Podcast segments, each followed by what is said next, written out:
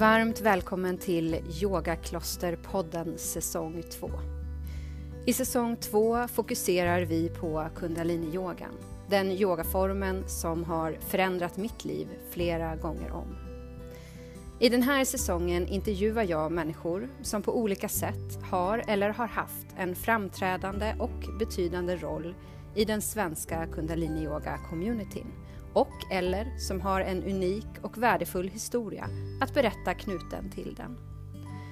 Jag ger utrymme till några specifika, av mig utvalda personer, alla med sin egen unika historia. Vissa har valt att ta ett steg ifrån traditionen och vissa att vara kvar. Själv försöker jag förhålla mig objektiv och neutral under intervjuerna. Mitt arbete är att tillhandahålla en kanal för berättelserna, inte att värdera dem. Intervjuerna är ett fördjupat självporträtt där intervjupersonerna får stort utrymme att berätta sin egen historia om hur denna yogatradition påverkat dem i livet. Varför de en gång började göra kundaliniyoga och hur deras resa sett ut efter det. Syftet med intervjuerna är att lyfta fram dessa personers berättelser, tankar och upplevelser för att på så vis öka kunskapen om hur kundaliniyoga-världen ser ut, både i dagsläget och tidigare. Samt visa att det finns flera olika vägar att gå i samma tradition och att det också finns möjlighet att ta steget bort från traditionen. Att du är fri att göra det som känns bäst för just dig. Jag tror på att människors berättelser gör att vi kommer närmare varandra och får mindre fördomar mot varandra.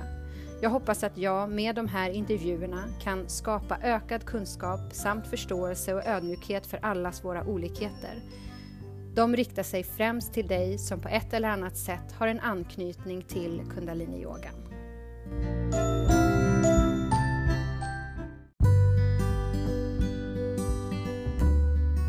Med mig som gäst idag har jag Emma Öberg. Välkommen Emma. Tack. Fint att ha dig med. Det ska bli fint att få höra din resa och dina tankar kring det här ämnet som vi ska prata om. Mm, mm. Jättefint att vara här. Mm. Eh, kan du berätta om kundaliniyogan och hur den från början kom in i ditt liv?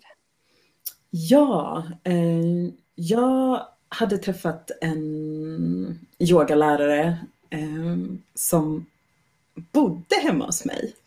Okej. Okay. Ja. Du hade träffat en yogalärare som bodde hemma hos dig. Ja, till slut bodde han hemma hos mig. Eh, jag var ute och, och ähm, reste och äh, träffade en yogalärare som jag trivdes jättemycket med, som inte var kundalini-yogalärare utan en hatta-yogalärare. Mm. Och äh, sen så åkte jag hem till Sverige och äh, hittade ingenting som var så kopplande och berörande för mig. Så då bjöd jag hem honom och tänkte att ja, men han kanske kan komma en helg. Jag är lite organisatorisk av mig kan man säga. Jag jobbade som kampanjledare eh, på Greenpeace då och eh, var van att styra upp stora projekt. Så jag bjöd hem honom um, och eh, tänkte att han kanske kommer över en helg. Men han kom och bodde hos oss i några månader mm. och yogade med mig varje morgon och med min man varje eftermiddag. Eh, och sen så hade vi som ett härligt eh, häng. Vi hade små, vi hade en bebis på åtta månader, ett riktigt sånt mysigt föräldraledigt eh, häng. Han var från Kanada och ja, men vi yogade, mediterade och hade det väldigt fint. Mm, härligt det låter. det jättemysigt. Och sen i slutet av hans eh, vistelse hos oss så gjorde han eh, en, en serie övningar som jag bara wow, vad var det där?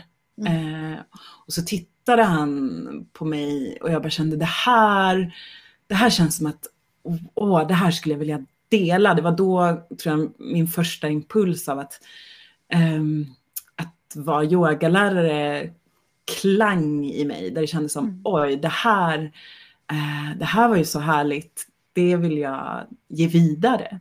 Mm. Uh, och så um, uh, visade det sig att det var en kundalini yoga kriya Mm. Så i kundalini yoga så är det ju fasta sekvenser som Yogi Bhajan har skapat.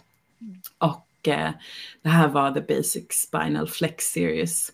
Eh, och så googlade jag eh, kundalini yoga och så kom en eh, svensk utbildare upp på skärmen där det stod kundalini yoga lärarutbildning och så kände jag bara ja, här hade jag tanken om att det här vill jag dela. Jag hade en eh, vacker upplevelse med den här krian mm. och det första som händer när jag letar efter det här är en utbildning som dyker upp. Eh, så då anmälde jag mig till den.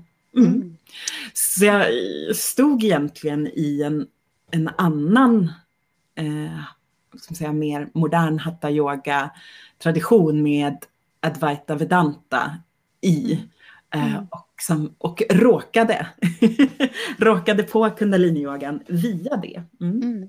Hur länge hade du haft yogan i ditt liv innan du kom i kontakt här med kundaliniyogan?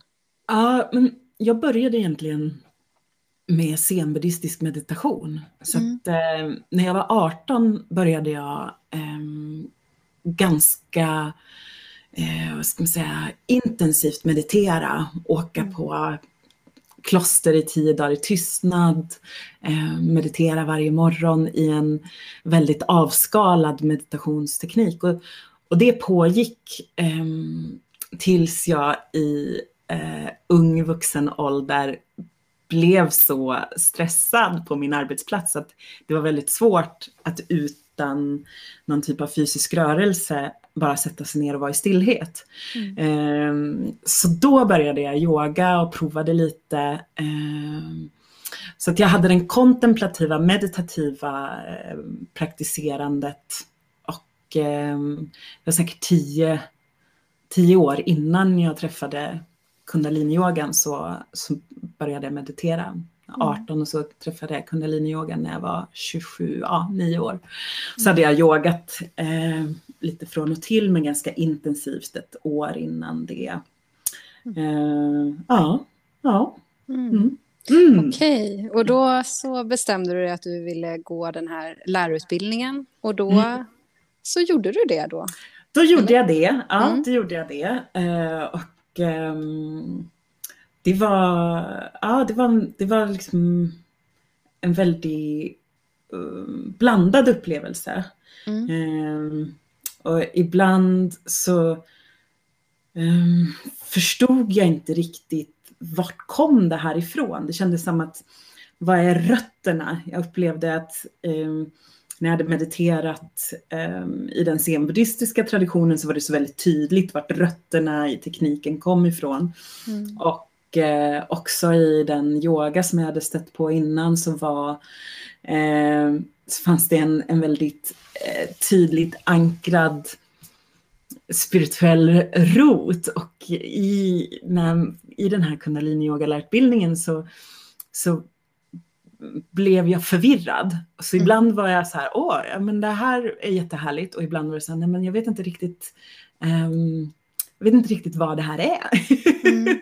Men var det att ni inte fick information om det på utbildningen eller var det mer en känsla du hade eller vad grundade sig det här, den här känslan i?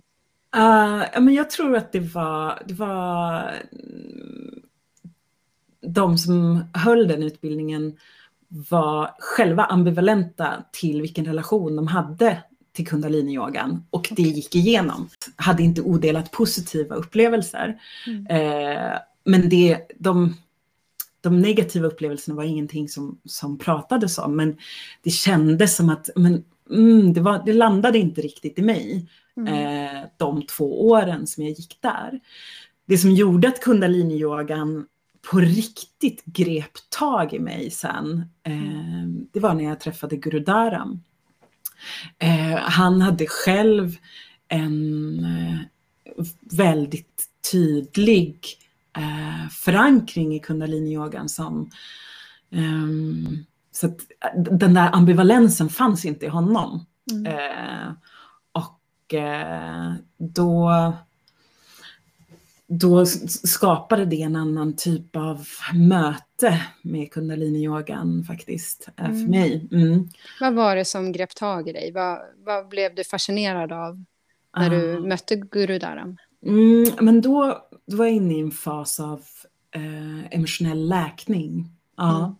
Um, och så gick jag hans um, eh, terapiutbildning. Och det var ju då något som han hade vidareutvecklat ur kundalini-yogan med kundalini-yoga, eh, TCM, traditional Chinese medicine, mm. och ayurveda. Så att eh, kundalini-yogan filtrerades genom honom väldigt mycket och hans eh, emotionella healing eller balansering av, av kroppen var det som ja, riktigt eh, blev, väldigt, ja, blev väldigt fint. Jag upplevde väldigt stark, um, starkt möte med ja, men min egna inre anspänning och hur den fick transformeras. Um, ja. Mm. Mm. Um, vad förde kundaliniyogan med sig mer i ditt liv, förutom liksom den här upplevelsen av transformation? Hände det någonting överlag med livssynen eller livsstilen eller så? Ja, jag gick ju ganska uh, all in. Uh, så att vi köpte en kursgård i det här. Det var ungefär i samma uh, veva. Jag stod liksom i två olika yogautövanden. Uh, jag kan inte säga att det var kundalini-yogan bara som skapade den här uh, förändringen. Vi köpte en kursgård som heter Mangalam och där drev vi en hatta yogalärarutbildning de fyra första åren och eh, de Eh, tre av de åren så hade vi också en kundalini yogalärarutbildning. Mm. Eh, så det, det samexisterade och då hade jag själv tre olika yogalärarutbildningar. Så jag hade två hatta yogalärarutbildningar och en kundalini yogalärarutbildning och så hade jag gått terapeututbildningen mm. eh, och eh, lyssnat väldigt mycket på en vedanta-lärare och Eh, mediterat i den här zenbuddhistiska traditionen. Så det var, det var flera kartor som landade mig i att, eh, att det, var, ja, men det var viktigt att blicka inåt. Eh, inte kundaliniyogan helt själv utan kontemplativa metoder på olika sätt där umgänget med den egna tankekonstruktionen med eh, anspänningen i kroppen eh, görs, eh, ja, men möjliggörs så att mm. man kan vara i en, en djupare närvaro. Mm. mm. Mm, eh, och egentligen så, så, så var det någonting som jag upptäckte när jag var när jag var 18, men som fick blomma ut då. Eh, jag hade ett väldigt djupt möte med en buddhistmunk som kom till min gymnasieskola. Och eh, jag satt bredvid honom på en parkbänk. Och i hans närvaro, i det lugn som han bar med sig i sitt meditativa sinne. Mm Eh, så, så upplevde jag mitt inre lugn eh, utan någon som helst egentligen undervisning eller metod eller det bara det så skiftade inuti och så kände jag mig djupt hemma i mig själv. Mm. Eh, och det var det mötet där som 18-åring som sen gjorde mig nyfiken på de här andra eh, kontemplativa kartorna och gjorde att jag fortsatte. Eh, och kundaliniyogan blev en, en del av det, men inte den mm. enda delen. Mm. Mm. Någonstans eh, på vägen så tar ändå liksom kundaliniyogan lite med dig mer än, än hatta-yoga-traditionen? Eller för att du väljer att bli eh, teacher trainer och ni har ni inriktar er mer på kundaliniyogan än på, på hatha-yogan. Ja, och hur kommer det sig? Eller liksom... hur blev det så? hur blev det så? Berätta. Ja, och det, det, tror jag har mycket att göra med att eh, det finns bara 24 timmar på ett dygn. Mm. Så att eh, när vi köpte kursgården så var jag 30 år gammal, eh, hade två små barn. Ett barn var ett år, ett annat barn var tre år. Vi köpte en, en gammal byskola som vi behövde renovera väldigt mycket, startade ett företag och så drev jag två stycken yogalärarutbildningar som administratör. Eh, och eh, när jag hade gjort det i tre år mm. så, um, så upplevde jag det som ja, men det var, blev lite för too much. Mm. eh, och, eh, och kände att ja, men, mm, jag ville ha mer, bättre balans i, eh, i mitt liv, att jag skulle kunna lägga mer tid, eh, inte bara på jobbet. Så då valde jag ehm, att ehm, fortsätta med kundalini yogalärarutbildningen mm. Eh, mycket en tids, uh, tidsrumsaspekt i det. Men också att det kändes som att uh, det fanns väldigt mycket att upptäcka där. Det kändes som att um, utvecklades um, starkt och jag var nyfiken. Det var som en, en, en nyförälskelse i olika gästlärare, eftersom jag hade en egen kursgård så kunde jag bjuda in dem som jag tyckte var riktigt spännande. Um, och det blev, uh, det blev väldigt härligt och stimulerande att uh, arrangera de utbildningarna, hålla ett, ett bra space här på, på kursgården och uh, samtidigt få eh, träffa mycket spännande lärare. Det var, mm, det var en väldigt fin tid. Mm. Mm. mm. Och så gick jag med i uh, Aquarian Academy. Och mm. uh, Aquarian Academy, du nämnde det så här, så blev man, man blir lead trainer, men det är en väldigt lång process. Det mm. tog, det tog tio år. så, uh, ja.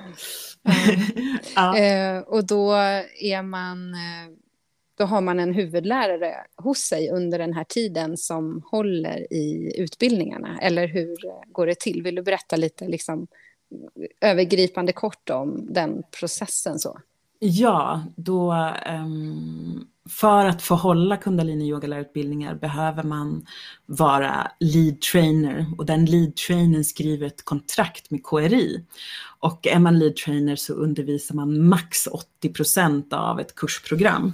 Eh, resten måste man då ha eh, andra lärare som också är i systemet och och systemet är att man, man går in i något som heter Aquarian Academy och så går man genom olika eh, hierarkiska steg där man får undervisa fler och fler av ämnena då. Man, de kallar det för ett slags mentorskap.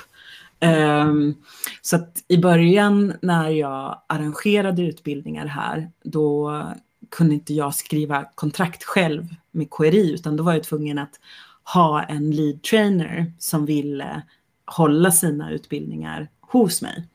Eh, och, eh, och sen då olika gästlärare som fyllde upp de här 20 procenten. De flesta lead trainers håller inte 80 procent av utbildningen själv utan det kanske är att det är en lead trainer som är ansvarig gentemot KRI och så är det flera lärare i team som, som gör utbildningen tillsammans. Mm. Mm. Mm. Ja, men du var tillräckligt fascinerad av kundaliniyogan för att gå igenom allt det här och, och eh, inrikta dig under, det är ju ändå tio års tid som du säger, som det tar för att bli lead trainer.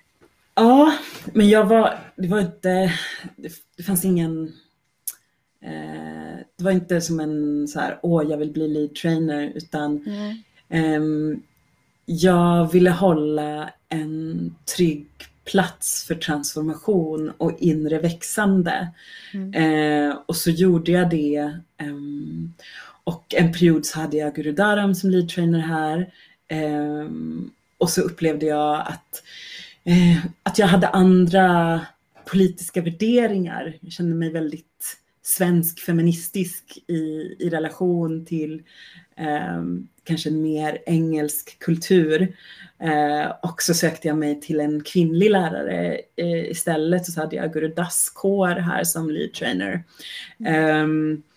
men jag ska säga, jag, eh, det var aldrig en, eh, ett, ett, det var inte ett syfte så här, åh jag vill bli lead trainer, det var det som drev mig, utan det som mm. drev mig var att skapa det trygga rummet för växande för människor mm. eh, som kom hit. Mm. Eh, Mangalam betyder ska man säga, lyckosamt möte. Mm. så att eh, vi hade den eh, inspirationen att skapa en plats där man som människa skulle kunna komma och eh, ja, men, ha ett möte som man vet så här, oj det där kan påverka och förändra mitt liv och fördjupa min upplevelse som människa. Mm. Lite som det mötet som jag hade haft med den här buddhistmunken, att det var ett möte som planterade ett frö i mig av en förståelse av en aspekt av mig. Att jag sa oj, ah, så där kan jag hitta hem i mig. Mm. Eh, och eh, i den processen så kunde jag lika gärna vara med i Aquarian Academy. Mm. Men jag kan känna att jag var det, eh, ja, in, inte som, jag hade ingen ambition med det, men jag var det för att jag ändå höll plats här. Mm, mm. Förstår jo, du? Men det skapade ändå det här trygga rummet som du ville ha till dina utbildningar och till de som kom till dig. Den, den helheten höll ihop det då på något sätt. Mm, men jag kunde um, jag kunde ju hålla utbildningarna um, lite på vårt sätt. Mm. Um, eftersom jag ägde kursgården och det här vet jag andra har haft andra upplevelser runt men mm. eftersom jag var arrangör, ägde kursgården så kunde jag eh, ha stort inflytande av vilka lärare som kom hit och eh, också senare när, när jag hade hållit på ett tag också um, faktiskt i, välja bort saker som vi bara så här, nej men det här, det här, det undervisar inte vi. Nej, just det. Så du kände ändå en frihet i den här strukturen som fanns, att kunna göra mycket av det som du själv tyckte var viktigt att ha med på, på, på er utbildning? Jag tror inte det var en frihet i strukturen som jag kände. Nej. Det, ska jag, det ska jag inte säga. Att jag, kände, jag kände en ganska kraftfull rigiditet i strukturen men mm. jag tog mig friheten. Mm. Mm. Men hur, hur togs, eh, hur det? Togs det? det är skillnad. Det är, skillnad. skillnad. Men hur togs det emot av mm. huvudorganisationen att du tog dig eh, den här friheten? Um, det finns ju ingen kundalini yoga-polis. Um, så att de lärare som jag jobbade med kan man säga var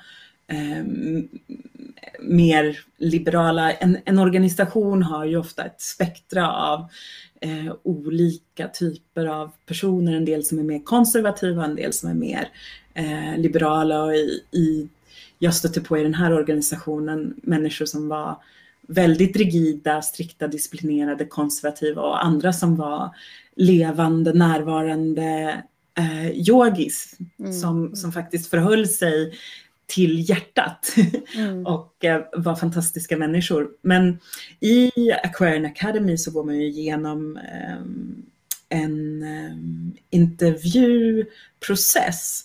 Så att jag var ju tvungen att med jämna mellanrum eh, åka ner till Frankrike och eh, ehm, bli granskad. Mm. Och i de granskningsprocesserna så var det ju ehm, ganska tydligt att eh, mm, den typ av eh, värdering som jag stod för eh, inte var uppskattad. Mm.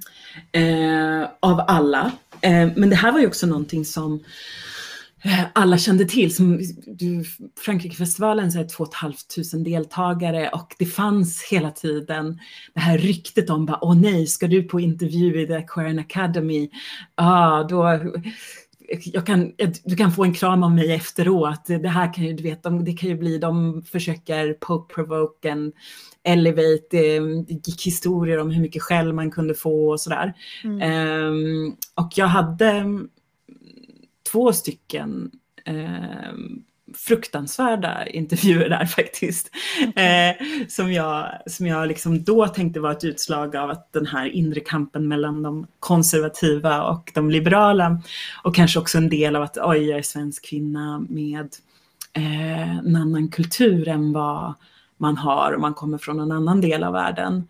Mm. Men eh, nu när jag tittar på det här i, i ljuset av allt som, som hela organisationen bygger på så, så, så, så kan man ju se att det, det står på en, en strukturell grund eller där den typen av beteende eh, var okej.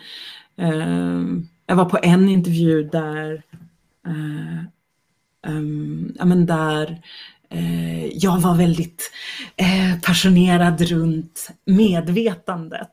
Mm. Och de frågade mig om ja, men, ekonkar och eh, icke-dualism mm. som, är, som ett kärnbegrepp i, i yoga och eh, jag passionerat berättade om mitt förhållningssätt till det och mina upplevelser också, modern forskning, eh, eh, psykologisk forskning och ah, var sådär, åh, det här var roligt att sitta och prata om det här. Mm. Och eh, när jag hade gjort det så sa de så här, nej, du förstår uppenbarligen inte the teachings. Jag bara, men hur tänker ni då? De bara, nej, du, du har inte förstått det här med oneness. Och eh, för att du ska få gå vidare så behöver du eh, åka till ett ashram i en månad. Mm. Eh, och du ska också göra den här praktiserandet som var två och en halv timme lång i varje dag i två år. Mm. Eh, och det här säger de här två personerna efter att ha känt mig i en halvtimme. Mm. Och eh, jag blev helt chockad över det, för det är ett sånt eh, vårdslöst beteende att ge någon i uppdrag att göra någonting två och en halv timme om dagen i två år. Mm. Eh, för, att, eh, för att jag skulle få fortsätta vara i systemet och fortsätta utbilda lärare och också sen då gå vidare. Eh, det här var näst sista intervjun jag var på, så då hade jag ju redan investerat um, sju år i det här systemet. Så mm. för mig fanns det inte så mycket alternativ då, antingen lyda dem eller, eller chansa på att vara rebellisk. mm. ja. Så att jag eh, chansade på att vara rebellisk. Ja, för risken var, alltså risken är att du här skulle kunna bli utesluten ur den här organisationen, eller man ska säga, där du har byggt upp din, ditt, ditt yrkesliv under de senaste åren, ja. nästan ett decennium. Ja, men då hade jag hållit på i sju år och hållit ja. liksom, sju olika yogalärarutbildningar. Och, eh, och jag fick också skriva på ett papper då att jag förstod att om jag inte gjorde som de sa så skulle jag inte få gå vidare i nästa intervjusteg. Som, nästa steg var då att jag blev lead trainer. Eh, och eh, ja, det var en väldigt, eh, väldigt konstig upplevelse där de bara, nej men du förstår inte the teachings. Mm. Och jag hade ju också barn och ett jobb och att åka iväg någonstans en månad till ett ashram.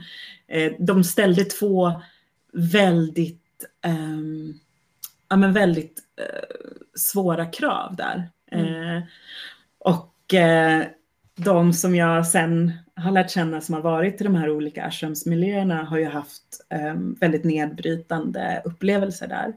Mm. Ehm, så jag gjorde inte som de sa. Nej, nej. För att jag tyckte att det var bara så barockt. Eh, mm. Och eh, orimligt. Att, jag, jag, jag, kan inte ta råd från en främling. Mm. Eh, så jag gjorde inte som de sa, så åkte jag till nästa intervju ändå. Mm. Jag gjorde alla andra saker som man skulle göra i det här mentorsprogrammet. Mm. Eh, och jobbade med, med den lead trainer som ehm, hade ansvar för mig. Och hon tyckte också att den intervjun var jättegalen.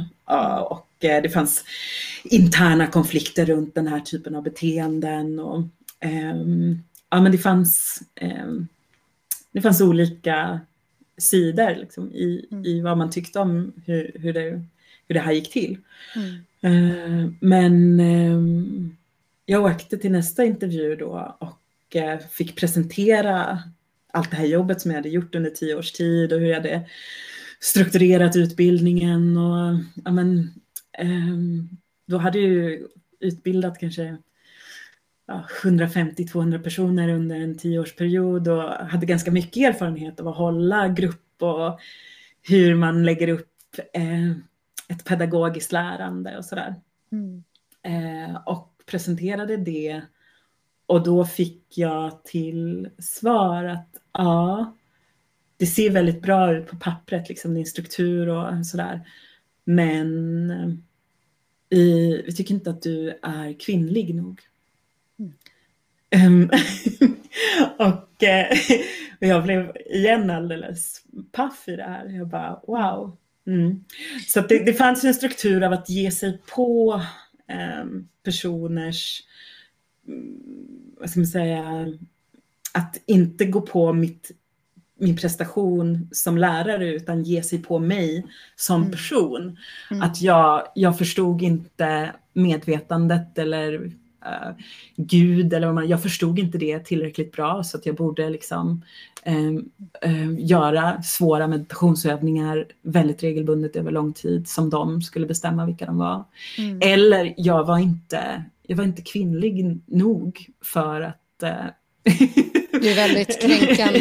det är väldigt kränkande. Ja. Eh, så det där... Eh, ja, det Men där... hur, hur liksom, du upplevde att de, att de kränkte dig där? Jag tänker att eh, i den här traditionen som vi båda har tillhört så finns det ju en tradition av att eh, poke, provoke, eh, confront, elevate. Och att många gånger när lärare kanske har sagt någonting till en så upplever man eh, att okej, okay, ja, ja, men det är en obalans jag har som behöver rättas till så att då ska jag liksom göra det här som de säger.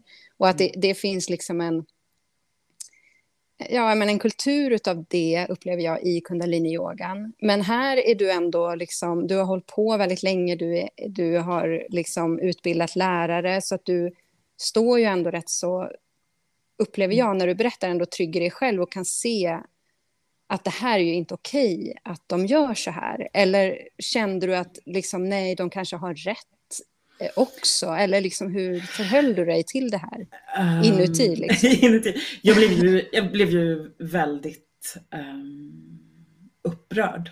Mm. Där på plats blev jag väldigt upprörd. Mm. Och eh, hon som intervjuade mig är ju Shiv Charans fru. Mm. Och Shiv Charan är en av de större lärarna som fortfarande lever och verkar i Portugal. Eh, och hon håller så här kvinnokurser. Eh, och ehm, har en, ja men, en, ja men en kraftposition i organisationen. Mm. Ja. Så jag blev eh, väldigt, jag blev väldigt upprörd där och då på plats och eh, så, mm, så bad jag om att han som är chef då för Aquarian Academy, han, att han skulle komma och sitta med oss i det här samtalet så, så att vi kunde prata om liksom hur, så här kan man inte säga till någon, man kan inte säga till någon du har gjort ett, ett bra jobb på pappret, du verkar strukturera utbildningarna bra, bra gjort, men du är inte kvinnlig nog, vi är inte säkra på att du kan vara lead trainer. Mm.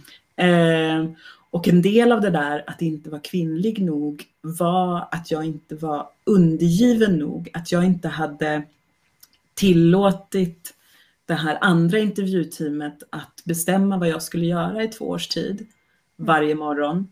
Det uppfattade de som att jag, ja, men jag var inte undergiven. Eh, och att det också är, var något som jag borde vara. och att det var ett problem att jag inte var det.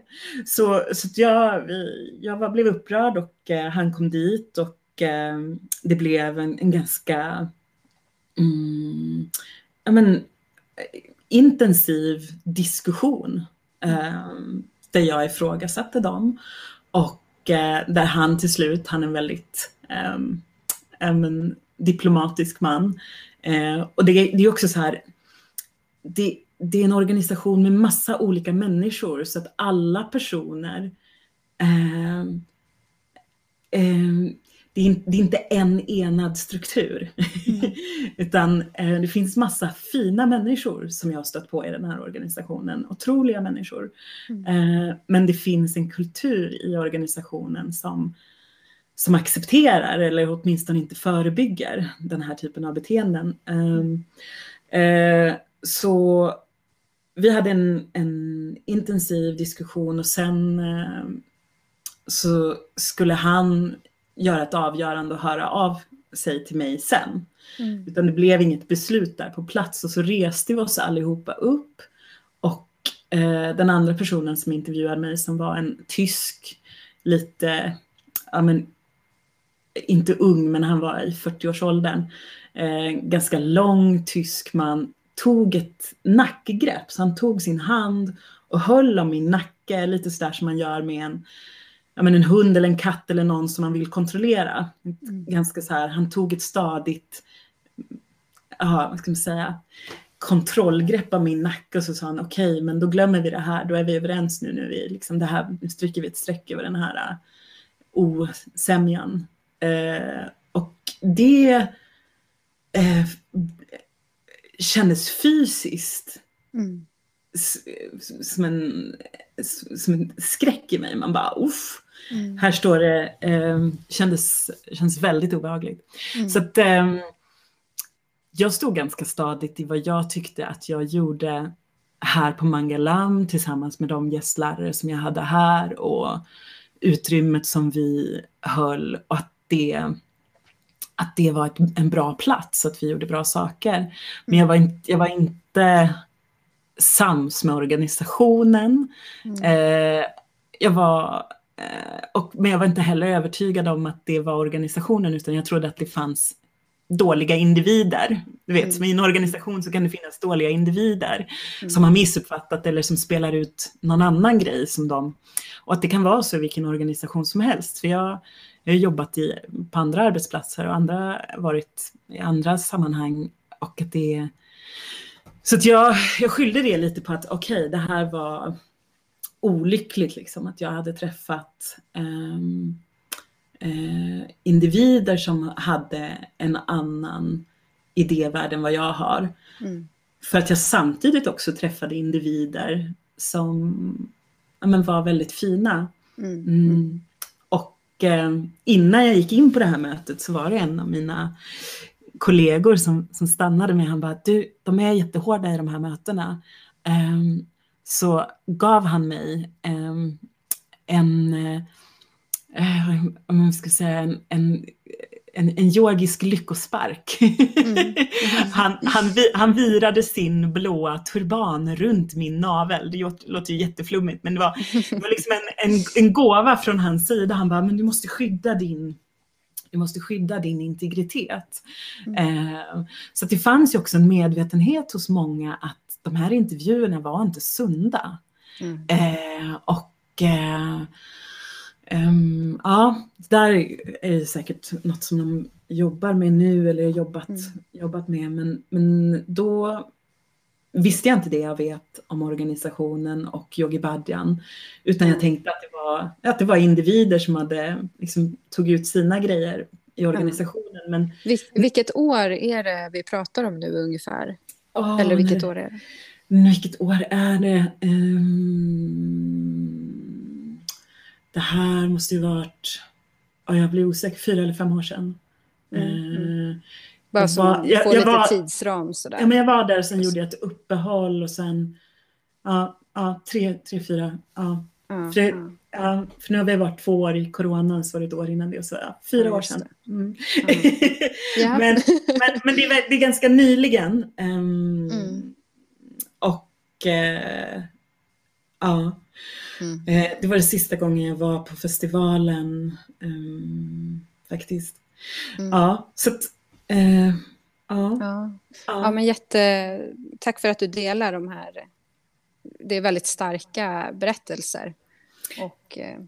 Ja, men jag förstod inte då eh, att att det fanns liksom en historisk strukturell bakgrund till det här. Och det, det är mm. liksom min, mitt misstag. Jag, jag såg det som individer i en kanske annars positiv struktur som, mm. som betedde sig dåligt medan nu förstår jag att det, det var tvärtom. De individer som betedde sig bra var individer i, i en annars eh, strukturell problematik. För att mm. Den strukturen hade skapats eh, med Yogi Bhajans byggande av den här gruppen och sen också en väldigt stark eh, dominans, tystnad och, och, kultur av lögn. Eh. Där man har liksom inte förhållit sig till eh, Yogi Bhajan på och, och det han har sagt och gjort eh, på ett öppet sätt i, i 20 års tid. Liksom. Det, mm. eh, så där gjorde jag en stor missbedömning. Jag trodde det var individerna i en annars bra struktur som var problemet, men mm. det var struktur, det fanns större strukturella eh, problem som jag inte förstod då. Ja, eh. och, och du med många, jag menar, vilk, det är väldigt många andra som har gjort den missbedömningen också. Ja. Skulle jag säga. Eh, Men vi kanske ska komma in lite grann på det för att 2020 eh, så släppte ju Premka Kaur, eller Pamela Dyson, sin eh, bok. Mm. Eh, och det blev ju liksom den här stora katalysatorn för att alla de här berättelserna skulle få ta plats och få utrymme och människor som hade varit tysta under eh, så lång tid började berätta de här historierna om övergrepp, både från Yogi Badjan själv då, men även från andra personer i organisationen, så att man såg ju den här eh, liksom eh, kulturen i organisationen, att den inte riktigt var så som i alla fall jag hade upplevt den. Kan, Mm. Kan du mm. berätta om eh, hur, hur, det här påverkade dig, vad du fick reda på, vad, ja, men, vad hände? Vad hände ja, här? alltså det, det var ju, det var som en, eh, ja men det var både liksom en, en, en lite som en chockupplevelse. Um, för att för mig så yogan och meditationen, uh, det har varit ett, en så vacker väg hem. Eh, och det har också varit eh, eh, viktigt, en drivkraft i, i att eh, hålla på med, med yoga och meditation är att skapa trygga ehm, miljöer för människors sårbarhet. Min egen sårbarhet och andra människors sårbarhet. Och i den sårbarheten um, kunna växa. Och jag har också jobbat mycket med eh, kvinnor som har varit i övergreppssituationer. 48 procent av Sveriges kvinnor eh, har eh, upplevelser av våld eller sexualiserat våld eh, un, under sin livstid. Det är en, en undersökning från 2015 eh, som EU gjorde, så den är några år gammal, men den är eh, ändå ger en, en idé om hur, eh, hur mycket anspänning vi lever med. Och så har jag aktivt jobbat med det med eh, olika modaliteter men också med kundalini-yogans tekniker. Mm. Och då, eh, då när, när det här rullar upp så blir det så här, det, det var ju ingen trygg plats med respekt för människors sårbarhet. Det var ju en rovdrift på människors sårbarhet som, som pågått eh, från slutet av 60-talet till Yogi Bhajans död och sen som fortsatt. Eh, som han delegerat vidare och byggt upp strukturer runt och det gjorde, det gjorde ont. Det var ju det var inte alls, det var inte alls någon eh, miljö eh, som jag eh, kände att jag ville eh, sanktionera. Att det, så här, ja, men, det här är en bra miljö att vara i. Mm. Eh, ja, eh, ja, så det, det kändes um, all, alla de, jag vet inte om du läste alla de vittnesmålen, först kom boken mm. och sen kom vittnesmål efter vittnesmål efter vittnesmål efter vittnesmål. Och det mm. var ju både sexuella övergrepp, eh, fruktansvärda sådana, Mm. Eh, men det var också maktutövande över människor över lång tid. Eh, där människor har eh, gifts ihop, eh, tvångsskilts från sina barn, barnen blivit eh, kränkta under en längre skolgång, sedan groomade i den här inre kretsen eh, under massa olika eh, semireligiösa företecken. Mm. Eh, jag tyckte det, det var, det var äh, bara så här, man bara, ja, jag vet inte vad man ska säga, det var fruktansvärt. Mm. Men, men kunde du liksom eh, särskilja, alltså du hade ju ändå byggt upp eh, din eh, liksom lärarutbildning på Mangalam och du känner dig trygg i liksom dig själv och det du undervisar och sen så får du liksom se den här organisationen och vad den står för. Men kunde du liksom särskilja det som ni hade på Mangalam och, och se att det ändå liksom fanns något fint ni kunde tillföra med den här traditionen vidare? Mm. Uh, jag är, vad ska man säga, strukturalist i grunden. Så att jag är statsvetare och mm. uh, ser på liksom, samhället ur ett strukturalistiskt perspektiv. Uh, så att när den där informationen kom fram så förändrade det min analys. Det jag trodde var individer i en annars, i en annars bra struktur med människor som, du vet, uh, we're all work in progress. Mm. Uh, vi, vi är inte um, en jord befolkad av empatiskt upplysta människor, utan we're work in progress och alla i organisationen tänkte jag hade en riktning mot att vilja men när, när allt det här uppdagades så blev det så tydligt för mig att ehm, det, det fanns stora strukturalistiska problem mm. Ehm, som, eh, som, som hade pågått så länge. och eh, jag tappade tillit till Yogi Bhajans eh, tekniker och eh, paketering och struktur, organisationen. Mm. Eh, och eh, utan den, ja, men utan att ha, ah, jag vet inte hur man ska, utan att mm, jag kunde inte, jag kunde inte linjera mig med det, det det moraliska beteendet. Det var, mm. Men du frågar, kan jag särskilja det från den mm. jag var? Ja, och från det som ni hade byggt upp på Mangalan. För jag tänker, du har ändå utbildat 150-200 eh, personer i kundaliniyogan och också sett eh, ja, men effekten av de krias och de meditationer som du har undervisat i. Mm. Alltså, hur blev ja, ja, hur, hur blev det? Hur blev det? Hur, alltså, hur kändes berätta. det? Nej, ja. ja nej, men jag, jag kunde ju se att jag um, hade hållit ett tryggt, en trygg plats på, um, på Mangalam. Men det fanns mm. ju um, de glasögon som jag tittade på genom där man kan se så här, ah, men det här är människor från hela världen som skapar en organisation.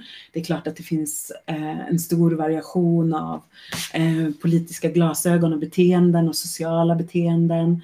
En man född på 20-talet, Yogi Bhajan och hans beteende eh, skiljer sig såklart från liksom hur hur jag beter mig och ser på saker, men vi, vi har ändå kanske en riktning som är gemensam. Men när när det, den, det, de glasögonen försvann och jag tittade istället genom de här tydliga eh, maktutövande eh, kontrollstrukturerna eh, mm. så kunde jag också se att eh, det handlade ut, tjänade också det syftet för honom att kunna kontrollera människor och mm. eh, utnyttja människor på olika sätt. Um, så att ja, jag kunde särskilja Eh, och vet att men, vi, har inte, vi har inte haft den, eh, det beteendet här. Mm. Men, men en, en del av de tekniker som um, ändå förespråkas, man kan jag vet inte om det, eh, det finns 9000 eh, energikrior eh, för allt möjligt liksom. För mm. att, eh, för att eh, motverka eh, jordbävning eller eh, atomstrålning eller för att stärka njurarna. Det finns allt möjligt har han. Liksom. Eh, det finns någon teknik som heter när, när ingenting annat fungerar eller mm. eh, det, det, finns eh, så mycket, mycket tekniker och det jag hade gjort tidigare var att så här, de här teknikerna, de här kanske 200 krierna som jag gjort själv, uh, ja, men de, de vet jag funkar på det här sättet för jag har prövat i min egen kropp. Mm. Men allt det andra då, mm. uh, så, så, hade jag också sorterat det som var liksom så här, men det här är ju uh, helt uh, superknasigt, sitta och hålla en, ett äpple i en halvtimme um, i en hand. Ska man fundera varför, varför hittade han på den meditationen? Vill han att någon skulle vara tyst och sen bara la han ett äpple i en hand och sitt här och var tyst och undergiven. Mm. det, mm. blev, det blev väldigt, uh, väldigt svårt att förhålla sig till hans um, undervisning när det var så tydligt att han inte hade en uh, välvillig relation med sin sangat, med gruppen mm. av människorna runt omkring honom och den sårbarhet som de människorna bar på. Eh, mm. Han hade ingen respekt Eh, han samlade massa 19-20-åringar runt omkring sig i slutet mm. av 60-talet, unga människor, vilsna människor som gick in i liksom ett sökande, ett längtande och successivt sögs in i och eh, gav över sin makt till honom. Mm. Eh, ekonomiskt, socialt, emotionellt, spirituellt. Alltså det är så, mm. det är så, det är så brutalt alltihopa. Ja. ja. Men om, om man bara tittar på liksom det som vi i liksom modern kundaliniyoga tradition undervisar och tar del av med mm. Eh, ja, i Sverige, de här kriaserna och meditationerna. Mm. Och då, alltså du upplevde att, det liksom, att tilliten försvann och du såg den här skuggsidan bakom vissa övningar. Att eh, ja, men varför har man lärt ut det här eller vad, vad var syftet egentligen? Alltså det, det liksom kom upp en annan sida utav, mm. utav det som du hade hållit på med så länge och ändå haft som alltså nära hjärtat mm. under, under många år. Liksom. Och... Nej, men alltså, det fanns ju också, liksom, jag visste ju att jag kunde hålla ett tryggt, en trygg plats här mm. på Mangalam. Men mm. det, det jag också hade gjort var att jag hade varit ett skyltfönster för eh, kundaliniyogan som organisation. Mm. Eh, och, och där uppstod ju för mig ett strukturellt problem. Där, mm.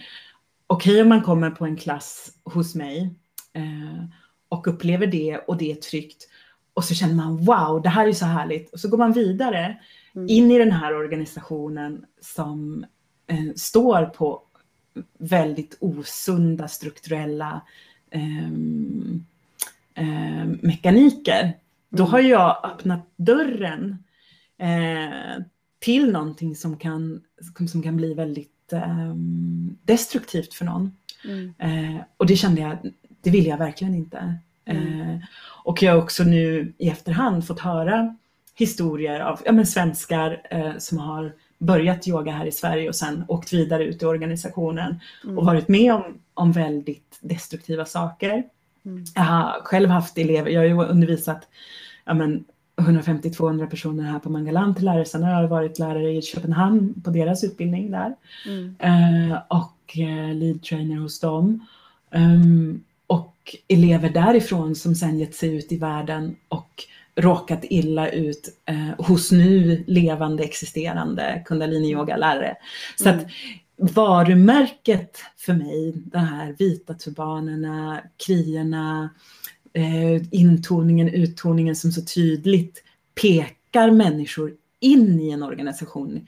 Eh, eh, det, eh, det kändes eh, inte som jag ville vara en del av det. Att vara en sån som kastar in folk i en osund kultur. Mm. Även om jag kunde hålla en, en trygg plats. Mm. Eh, och det här är också om man tittar eh, på hur sekter är uppbyggda så rekryterar de ofta eh, starka, eh, intelligenta individer som blir deras skyltfönster som gör att de kan få in mer pengar i organisationen, mer människor i organisationen. Och ofta så tar det några år innan man börjar vara, liksom utsättas för alla de här mer problematiska sakerna. För mig tog det ju mm. flera år innan jag själv upplevde kränkningarna.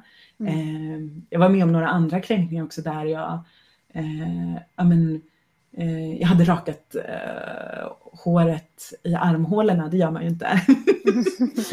men du vet, oops. och oops, äh, ja. ja men du vet så här, och det, det, det, är ju också en del av teachingen att man ska följa krierna utan att ändra dem väldigt minutiöst och det ska göras mm, väldigt länge, det ska göras 40, 90, 100 000 dagar. Liksom. Mm. Det, det, är väldigt stora intrång i människors liv så folk investerar och har en del fantastiska upplevelser. Eh, men det kommer med en kostnad. Eh, det ena så kommer det med att man eh, faktiskt inte utbildar människor till att tänka själv, utan man utbildar människor till att följa ett koncept. Eh, det, man viker inte från hur Yogi Bhajan undervisade. Um, och det här bröt jag redan med innan så att jag i slutet av utbildningen så brukar jag lära ut hur man kunde analysera krierna, bryta ner dem ställning för ställning, titta på vart energin gick i kroppen, förstå dem utifrån um, ja, hur man förstår asanas, pranayams eh, energiflöden. Mm. Och på det sättet också faktiskt kunna skapa egna krier. Men det är ju strikt förbjudet i eh, i eh, traditionen um, och det eh, skammas också. Om man gör så så har man ett, eh, ett stort ego.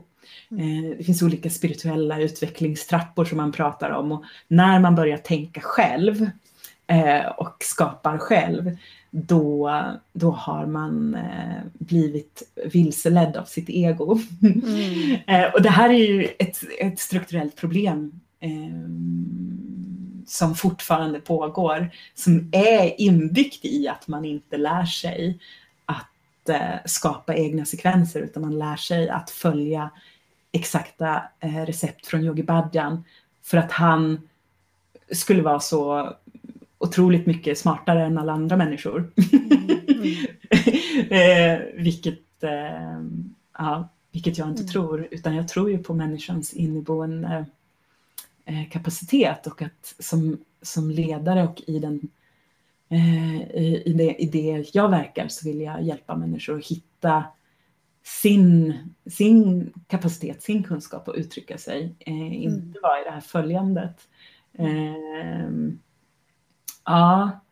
Um, Men det här, det här ledde ju till att du eh, helt enkelt bröt med eh, eh, att fortsätta i den här traditionen och undervisa lärare i kundaliniyoga. Mm. Vi, vi här på Mangalam lämnade mm. KRI och kundaliniyogan. Um, uh, ja, uh, mm. för det, det fanns inte för mig fanns det inte någon, någon inre moralisk möjlighet att verka i den kulturen. Mm.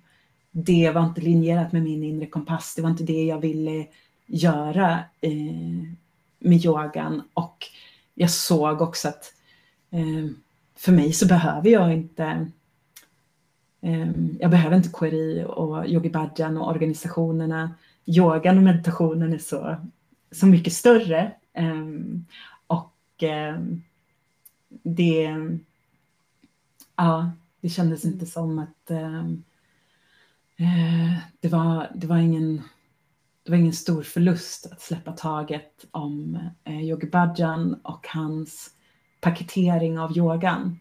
Mm. Uh, och där kan jag tycka att det är problematiskt att det är så här, åh men det är så här, det är så fantastiska tekniker och då förlorar vi det här och de har gjort så gott för så många människor.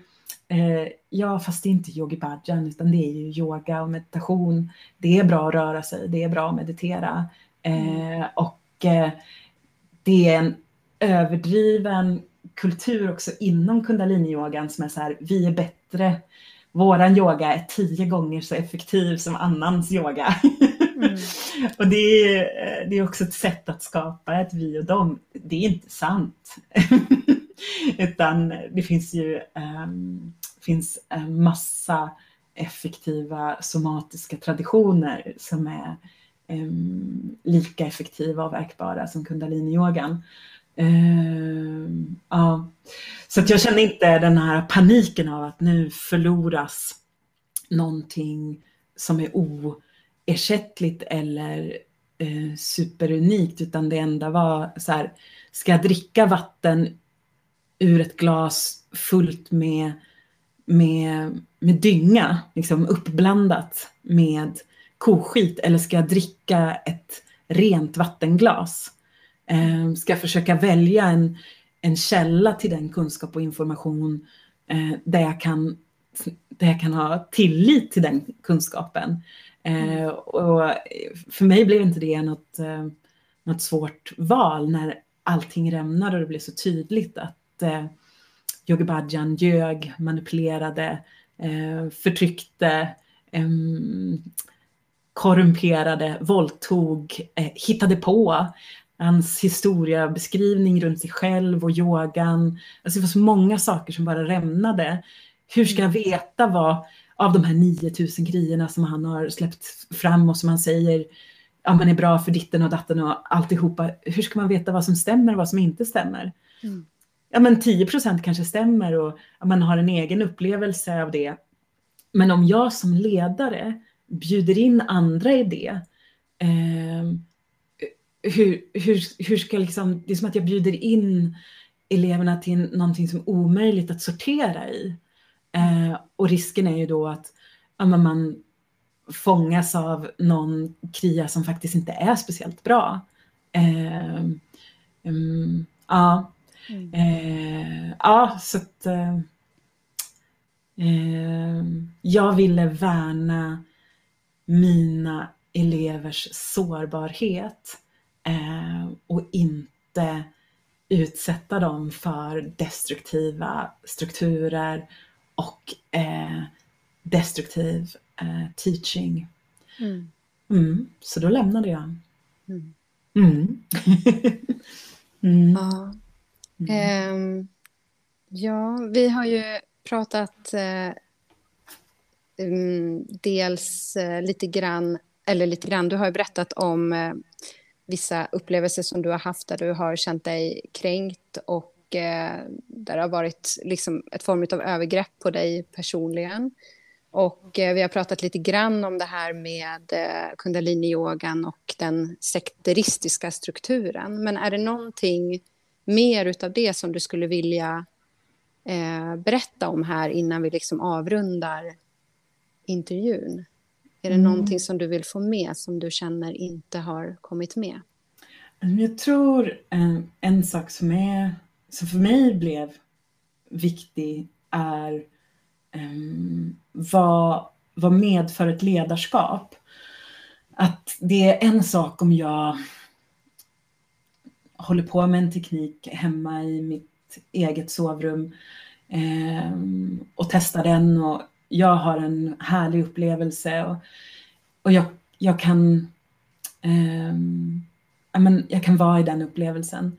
Men om jag är ledare för andra, om jag håller en klass för andra eller om jag som jag gjorde utbildar lärare som sen i sin tur håller klasser för andra där man introducerar Eh, och leder människor in i en organisation, att det finns ett, eh, ett större ansvar. För i, i, den här, I det här samtalet som har förts efter allt det här kom fram så finns det eh, men det finns idéer om så här, men det här, det känns ju bra i mig och jag tänker fortsätta att göra det här för det känns så himla bra i mig. Eh, och jag kan förstå det eh, när det bara handlar om vad jag gör för mig själv. Mm, men när jag, när jag eh, på vem jag är så gör jag ju inte de här teknikerna bara för mig själv. Utan det är någonting som jag sprider och då kommer i den ledarpositionen så kommer ett större strukturellt ansvar. Eh, vad är det jag eh, öppnar dörren till? Mm, ja, och jag tänker att det är, ja, men det är en viktig, viktig aspekt att se den liksom, strukturella analysen um, i det. Um, att det man var, man, man, man liksom säljer in idén om kundalini och man blir ett varumärke eh, när man eh, använder Yogi Bhajans och KRIs och 3HO symboler. Så även om man inte tänker att man introducerar någon till eh, en större organisation eller miljö så är vissa delar av hur man har paketerat kundaliniyogan är väldigt starka varumärkessignaler. Det finns inga, det finns inga andra som, som sjunger de mantrarna, det finns inga andra som eh, går runt i vita kläder och, och turbaner på det sättet. Eh, och det finns inga andra som gör Yogi Bhajans krior framförallt. Så att eh, um, vad, vad innebär det att vara vad innebär det att vara ledare? Vilket ansvar har man eh, som ledare? Det tänker jag är en, en eh, viktig fundering och där också i den här skalan mellan individ och struktur. Mm. Om jag som individ känner det här känns bra i stunden, mm, hur påverkar det gruppen? Mm. Och, och, vilken position har jag i gruppen? Mm. Mm, jag tycker det är, eh, eh, det kommer ett stort ansvar med att vara yogalärare. Mm. Eh, och eh, det kommer ett stort ansvar också för att man jobbar väldigt eh, djupt med människors sårbarhet. Mm. Eh, längtan hem, längtan till det inre lugnet, längtan efter kopplingen med sig själv, eh, vilan i livet, den här djupa upplevelsen av att ah, I'm enough. Mm. Eh, den är väldigt stor. Um, och eh, eh, det, det, uppstår en väldigt stor sårbarhet i det. Mm, ja, så jag tycker, jag tycker att, eh, att det finns ett stort ansvar. Mm. Stor sårbarhet, stort ansvar. Um, och det finns också, finns också så, mycket, så mycket bra yoga. Mm. Ja. Mm. Mm. Eh, lite kort, hur ser du eh, på framtiden? Vad kommer att hända på Mangalam? Hur, hur, ja, hur, hur ser framtiden ut?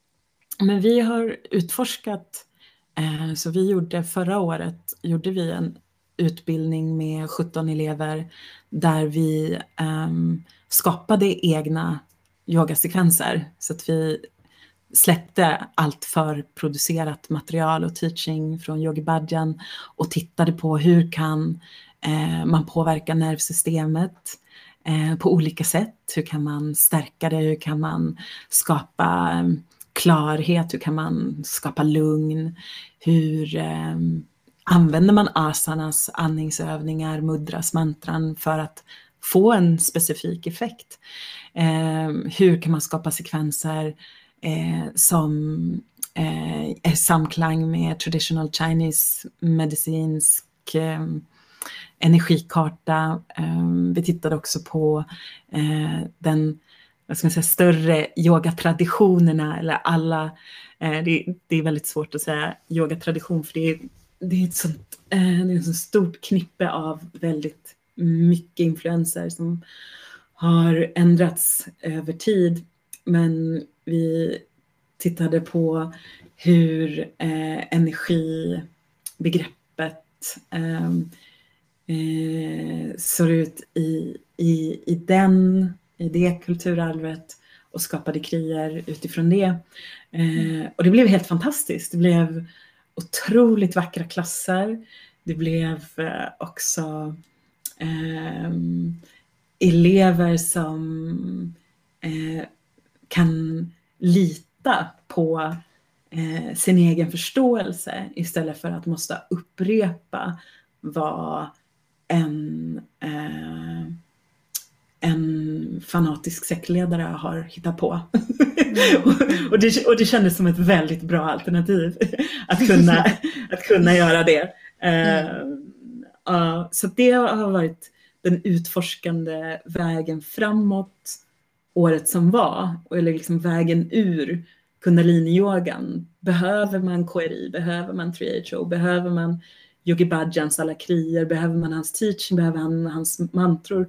Och i det utforskandet så, så, så kan jag liksom med djup övertygelse säga nej, det behöver man inte.